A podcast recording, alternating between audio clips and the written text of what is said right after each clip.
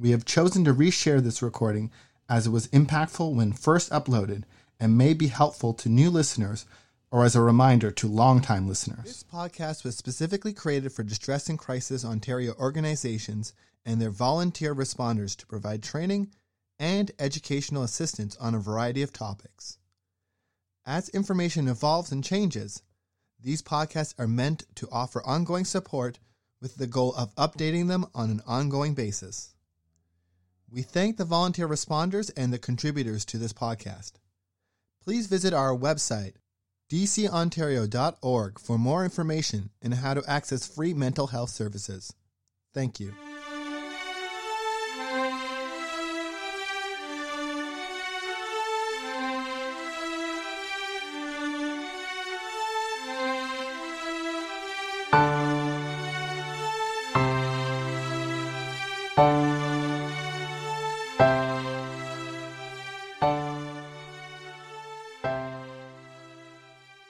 Hello, my name is Caitlin Plant, and I am the Program Manager at Distress and Crisis Ontario. Thank you for listening to today's podcast. Last week, we talked about the importance of asking for help and how to recognize some of the signs of when to reach out, as well as how to possibly connect with someone in your life who may need help. Today, I am joined by Benni Zaiser. Benni is the newest member of DCO's board of directors and has been a part of our Spirit of Volunteerism committee for almost a year. Starting this upcoming November, Benni will be a full-time mental health support officer at York Regional Police, serving Markham, Richmond Hill, and Vaughan. As a former crisis negotiator and instructor, Benni has provided evidence-based de-escalation, communication, counter-bias, and anti-stigma training to police officers from across Germany, and he has 30-plus peer-reviewed publications and book chapters, by and large, on conflict management in law enforcement and related training. He is joining us to continue the conversation about asking for help, specifically to explore how to navigate calling emergency services. So Benni, thank you for joining me today. Uh, could you please, yes, could you please begin by telling us just a bit more about yourself and your experience in distress and crisis management? Uh, sure. I'll uh, try and add a little more personal stuff too, so our listeners can get a better idea of who you're talking to after all. So I was uh, born and raised uh, back in Germany a long, long time ago in a galaxy far, far away uh, deep down in rural conservative like we have that too. It is it is also the south you could say i guess. Um, and this is also where i started out uh, becoming a police officer. And it was it's quite interesting to look back at it now uh, looking at how there was no crisis intervention training for any frontline officers at the time uh, looking to where we are right now right here in canada. That was already uh, fairly interesting for me I became a crisis negotiator in Germany, so I had my fair deal of uh, crisis intervention. However, only after we came to Canada, and uh, this is thanks to my wife, who I followed back home to be closer to her family. Um, which, by the way, I don't regret at all. Uh, I'm beyond happy to be here. Only then, uh, my journey in into mental health uh, and crisis intervention, crisis management started after a long, long period of not getting a job here in Canada. Uh, funnily enough, you have to have Canadian working experience to get a job, but uh, when you get here, you don't have it. So it's that catch 22. Uh, the first thing that actually worked out for me was uh, becoming a volunteer with Distress Centers Toronto at the time. Uh, I guess now it's the uh, Distress Centers of Greater Toronto after they fused with Spectra. Um, but that was my first the first thing that worked out for me, and then that's why I have a, I guess I grew an emotional attachment to the subject matter. The training there also added a whole new dimension to crisis intervention as I had known it before. in Germany, there was not much about the perspective from those who are going through crisis. Uh, whereas with distress centers, the training and then of course being on the helplines, I got to add this huge piece of the puzzle. Eventually, yeah, things worked out uh, thank goodness. So we stayed in Canada. I, I got a job with uh, Toronto Fire at the on the communications floor as a dispatcher, and through that I became involved with their peer support team. So I got to get a good glimpse into how mental health, uh, mental well-being, and corresponding challenges play out uh, within the fire service. And um, eventually, through research that a friend got me involved in, uh, back in Europe with the University of Liverpool, uh, which centered on empathy in crisis intervention contexts. I gravitated back to become a police officer in Canada. So four years ago, I went to the college, and um, now I'm going to be a, a mental health support team member soon, which I can't wait for.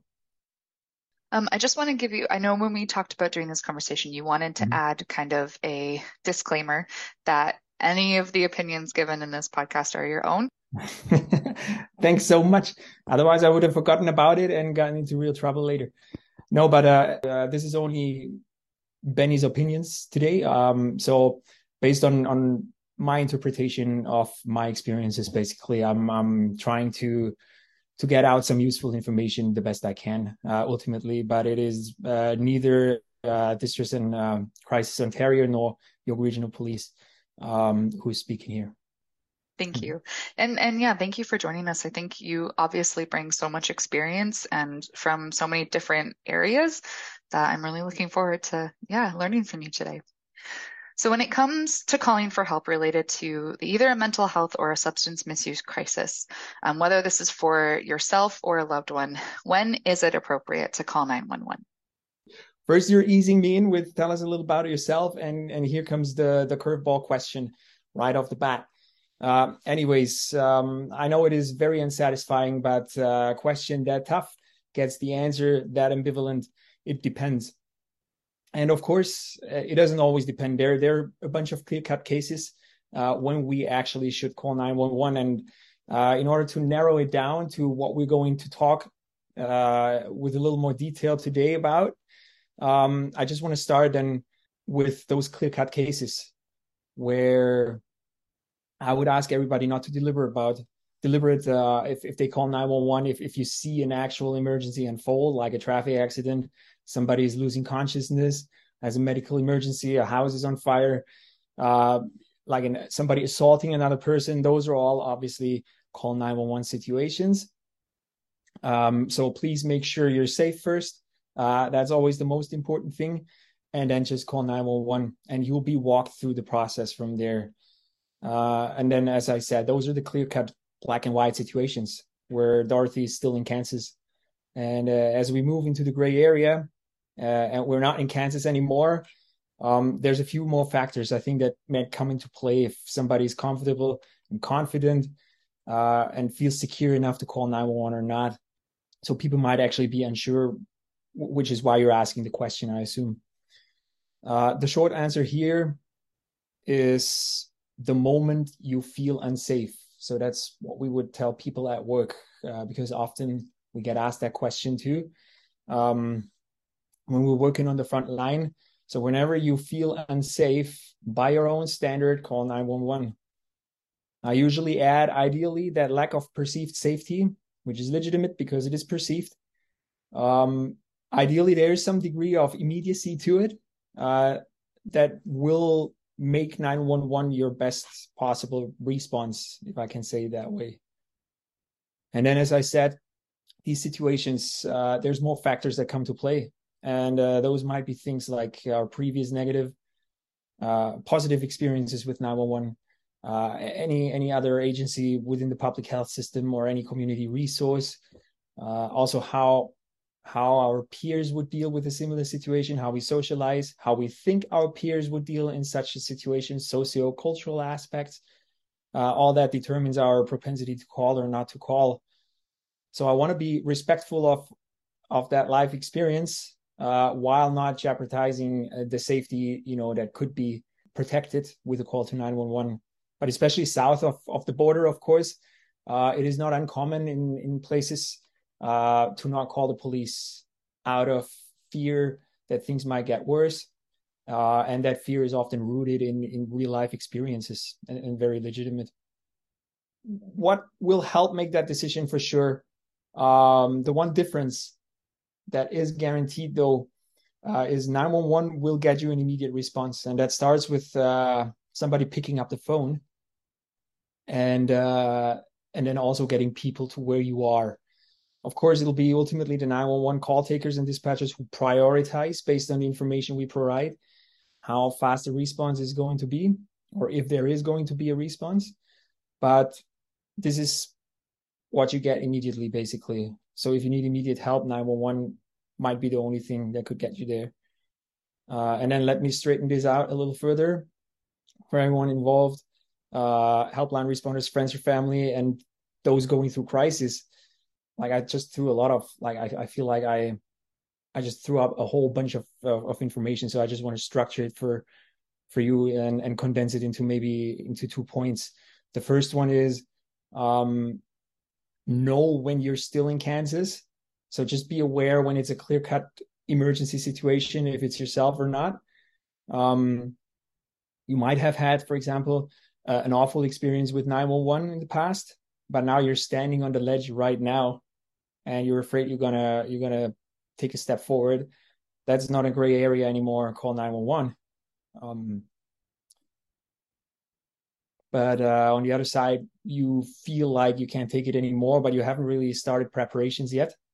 Uh, that's still worth a 911 call, and then you you'll get an appropriate response, uh, most likely, most quickly.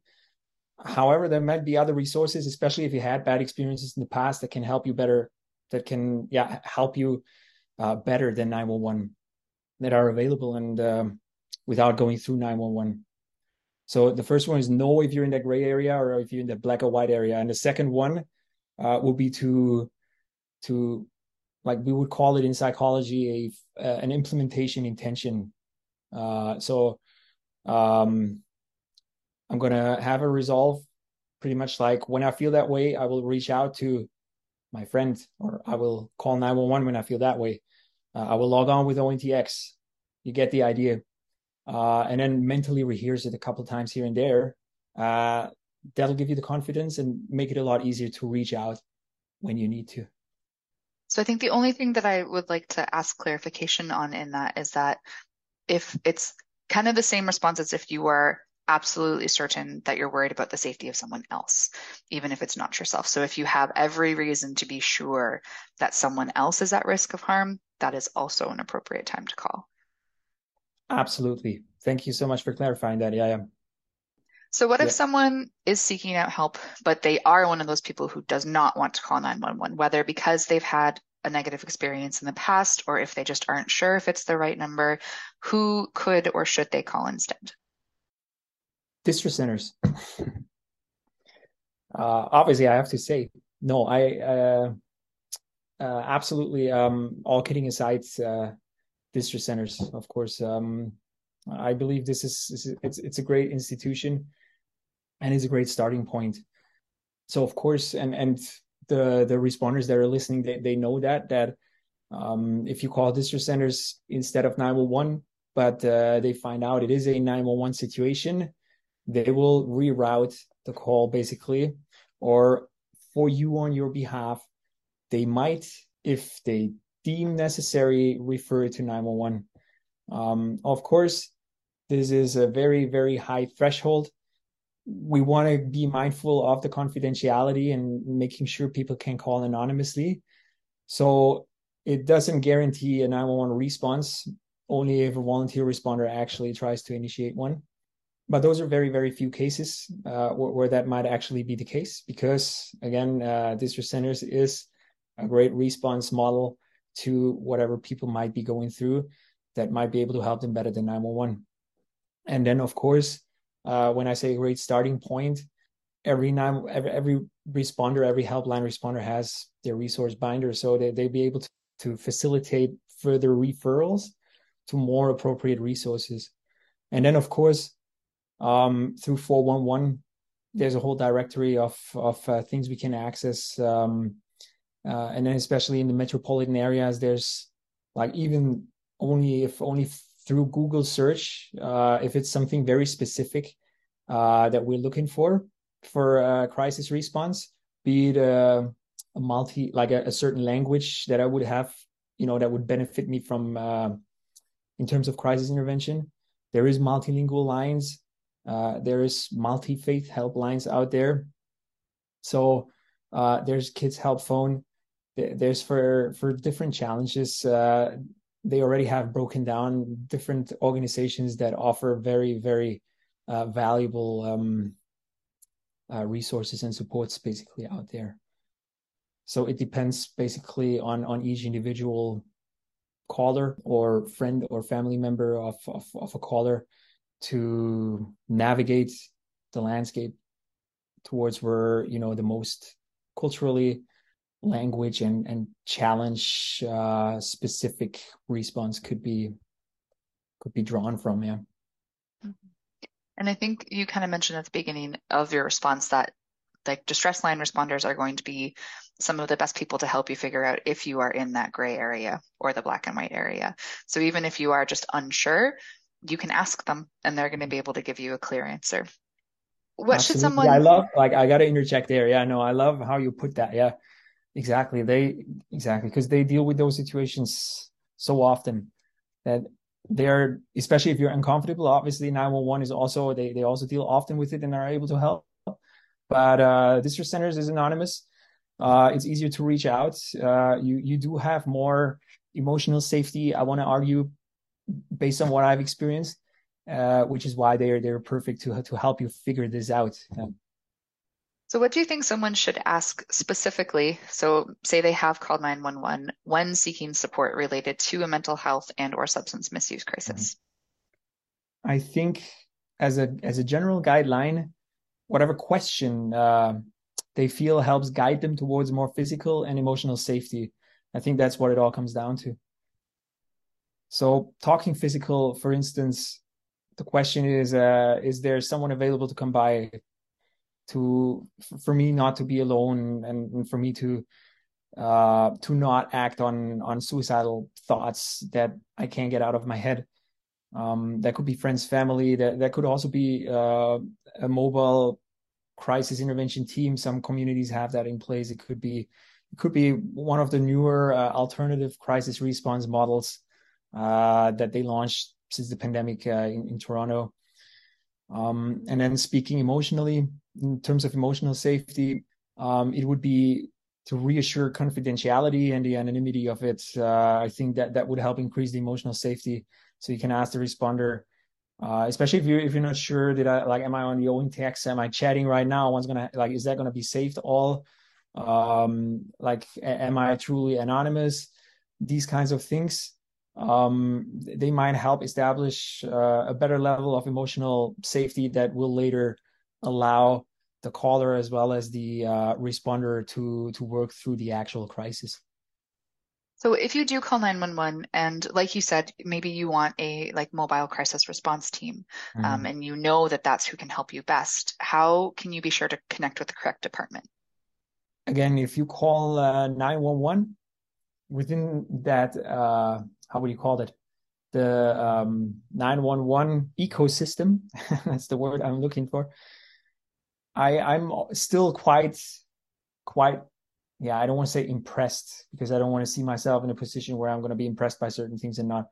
Like i'm i'm fascinated by how well it works in canada uh, just compared to what i know from from other countries that i had worked in before i came here uh, it it works really really well. So, and and then f- for an example, if you just work through um, like a tabletop call here, the, the, the first thing they will always like you'll dial nine one one, and um, if you're not in downtown Toronto on a Friday night, you'll you you'll get somebody right away. Um, those those dense population areas, sometimes you actually get yeah, like you're on hold actually for for a couple minutes, which is very concerning. But then again, they they have to work with what they have, and and they're working always to to get more uh, call takers. But usually that that's in, in very few locations it does happen. But then obviously those locations are the most populated ones. However, you still faster than than than helplines possibly, depending on the time of the day. Anyways, eventually a real person answers the call. They ask you, do you require fire ambulance or the police? So if you're going through mental health crisis and, and, you know, there's no issue with the house burning down, obviously you, you, you always ask for the ambulance basically. So they're what we call the primary agency responsible for that. And, and then you will be put through and that'll be really quick to an ambulance. And those are specially trained uh, emergency medical dispatchers, they're called um, they will be able to walk you through first aid if, if there's first aid required. They will they will be able to to give you any instruction you need. So all you need to do is listen to what they say and do what they say. Uh, and they also have crisis intervention training to a certain degree. So they will also uh, do some safety relevant uh, uh intervention with you. So they would say okay for as long as we talk, please, please put the knife down or put the razor blade down. Can you put it in a drawer? Just the way we we we trained that uh, as a as a helpline responder. Uh, so that's already a good start, and then they will refer basically to the to the corresponding to the call corresponding uh, resource.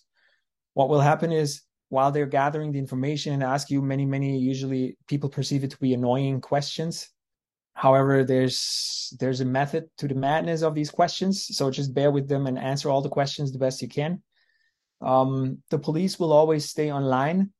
So there's the, the the initial police call taker that asks you which service you want.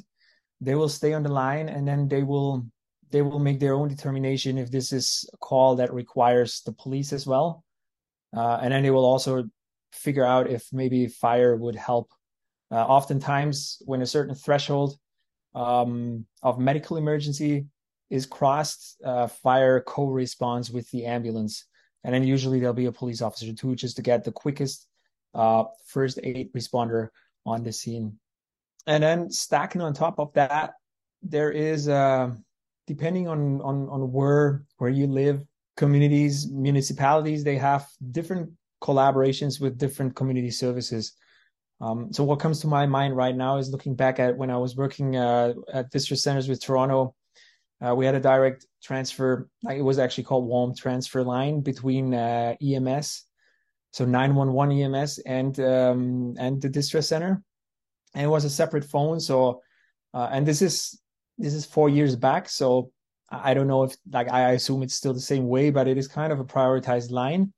So once uh, the EMS or the the EMD, the dispatcher at EMS would have uh, gathered all the information and then figured out, okay, I'm going to send an ambulance or this is a non-ambulance call. Uh, either way, they they would transfer the call to the distress center directly, and then you have a, a, a helpline responder who can further help you work through the crisis, um, and then wrap it up. Or if it's actually something more uh, serious, like a suicide attempt, they would stay with you on the line until the ambulance comes. So, so we got that, and then uh, on the other side, uh, looking at police, um, and I don't think there's any service, at least in the like if they reach certain um, size, that doesn't have a what is usually called a, a crisis intervention team. Um, we call it in York uh, the mental health support team. Uh, in Toronto, it's called the mobile crisis intervention team. In Peel, it's the Coast team. It's a community outreach and something team.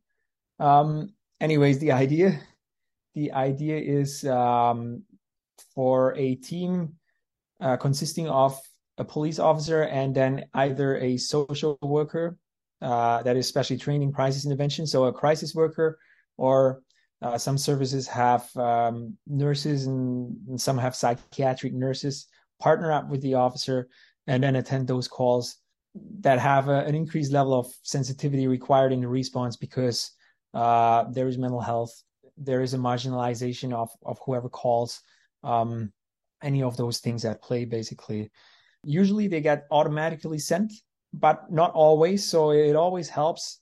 Um, it doesn't hurt, and it always helps. And I think there's there's some empowerment about knowing about this uh, and then just requesting it too. So we we do get a lot of calls where the call taker already lets us know on the road that MHST or CIT has been requested, um, and then it will not slip through the cracks, um, or you know a reprioritization might occur that otherwise might not have occurred. And then so that's something you you could ask for, and if they're available, they will come. Uh, and then to tie it all back to how I started the the answer. The system is designed in a really good way to walk you through the first steps of uh, dealing with imminent uh, perils of the situation, uh, and then to route you to the right resource. I think yeah that that's answered a lot of unknown questions that I've even had about calling 911. So thank you. Thank you for sharing that. Um, so I guess kind of my, my final big question is what, if anything, can be done if there does happen to be like a misunderstanding or someone is connected with the wrong department and maybe measures are taken that weren't wanted. So, for example, if someone calls for support in managing a loved one in crisis and their call for help results in that person having charges laid against them, mm-hmm. which was not the intent of the help seeker. Yeah, without a doubt. Uh, these are the most frustrating calls. Uh, and also, unfortunately, without a doubt, they, they do happen they they don't happen often on on the bright side, uh, which doesn't make it better, especially for those instances where they do happen. But it, yeah, as I said, it, it does happen. A person calls nine one one for help, um, and this is things that come to my mind now in my personal experience, uh, where somebody calls nine one one, and they had previously, yeah, like a traumatizing experience in the hospital but then they know they they they are in a place where they need 911 so they call 911 uh, and then the police shows up and, and and what do they do? They bring him back to the hospital which is always a problem because there's often often there's a change in the environment basically which which we always try to avoid and which also training goes towards that. If the they will call it the statutory requirements for an apprehension under the mental health act. If they're not given then under no circumstance there can be an apprehension. So the goal is always to leave the person within their environment, um, unless the environment is actually uh, detrimental to them, to their safety, to their to their health, basically, if that makes sense. There's uh, there's other calls where the family calls because of you know something that precipitated out of an underlying mental health challenge, um, but then there's an offense committed and by law the police is required to to to lay charges that that will be in certain cases of domestic violence. The police doesn't have that discretion. So they would bring the person to the hospital but then there would be charges after all. And and this is the law just painting all those many different cases with one brush uh kind of as a, a risk management measure because too often nothing has happened and then people have yeah, people have had greater damage uh, after that.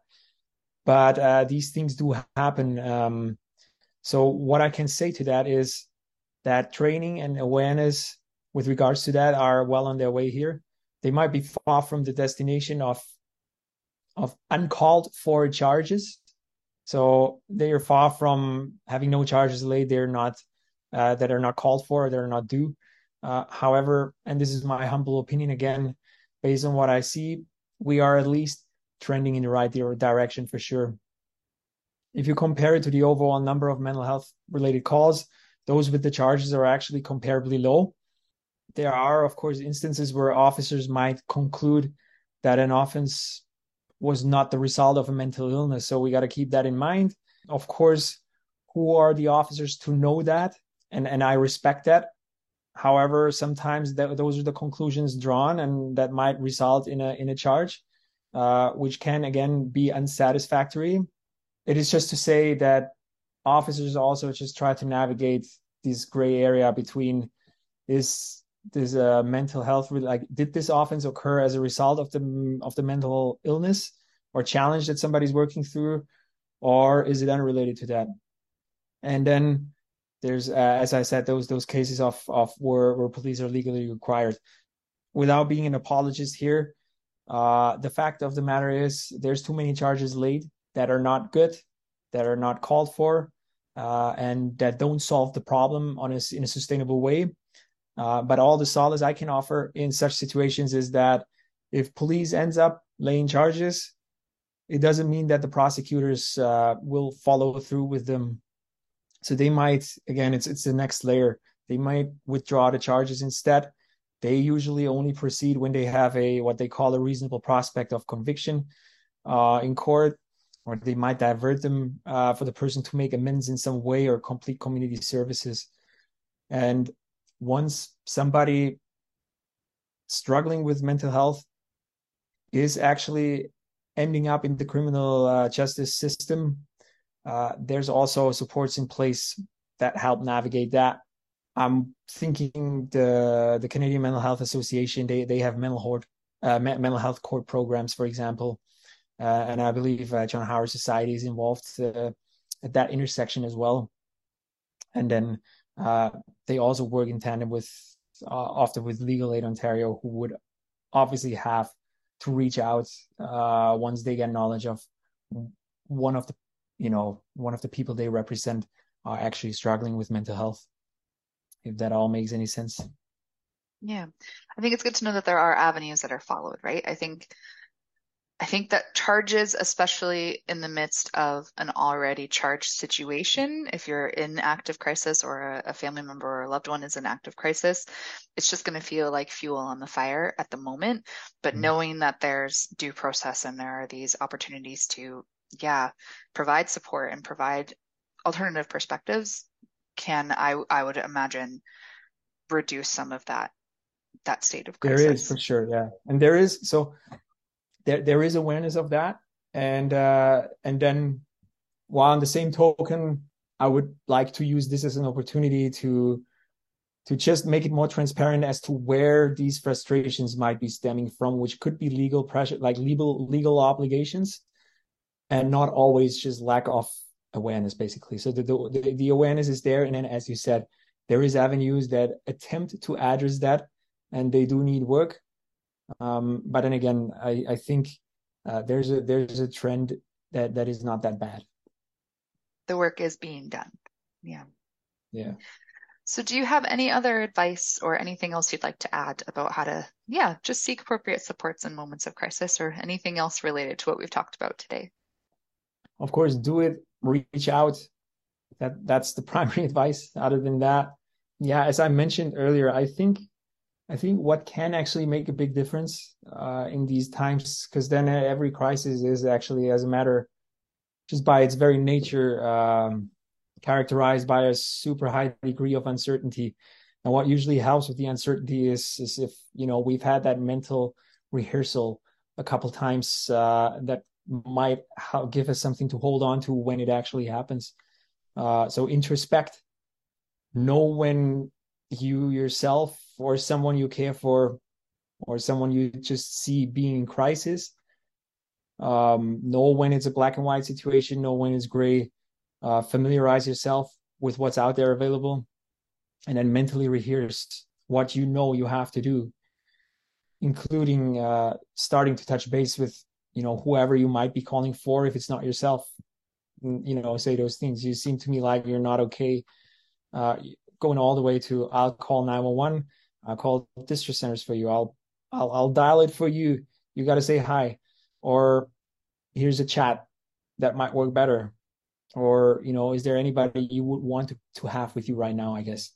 Um, you know is, is there anybody i can call? Is who do you want to have with you right now to help you through this uh, all these things are, yeah, basically things uh, that we can prepare ourselves to pull the trigger on easier. To to end it on that note with a with a with a bad metaphor. and I think too, just to add that, yeah, even if you want to go a step farther than mental rehearsal, call a distress line and let them know, hey, can I practice with you? If I am in a moment of crisis, if someone I know is in a moment of crisis, can I just take a minute to practice having this conversation with you? And that will also help you build your confidence. And if you're not sure what resources are available in your area, as you mentioned before, distress crisis centers have binders, resource binders, and they know pretty well what is in the area and can help you kind of come up with your own list too if you're struggling to find things. Um, so yeah, just just adding that in as well. Amen. Yeah, no, this is really this is really important yeah because then you you familiarize yourself actively and and that is actually what ultimately reduces the barriers yeah. And i remember yeah like the, all the responders they they will know they will have sometimes it's teachers or parents people you know just try it out and they say okay is there actually somebody answering the line? And then you'll know there is. Well thank you so much Benni for having this conversation with me today. I've learned a lot and have really enjoyed yeah speaking with you Thank you so, so much. It was a privilege. Thank you for listening to this week's podcast. As always, if you do need to get in touch with support, you can find your nearest member center on our website at www.dcontario.org forward slash locations, or you can access the ONTX chat feature from any page of our website by clicking the Looking for Support sidebar. ONTX is available from 2 p.m. to 2 a.m. Eastern Standard Time daily and can also be reached by texting the word support to 258 258. If you have any feedback on this week's episode, on past episodes, or on information that you would like to hear on this podcast, please do fill out the feedback form available in our show notes. Thank you again for listening. I hope you have a wonderful week and join us again next time.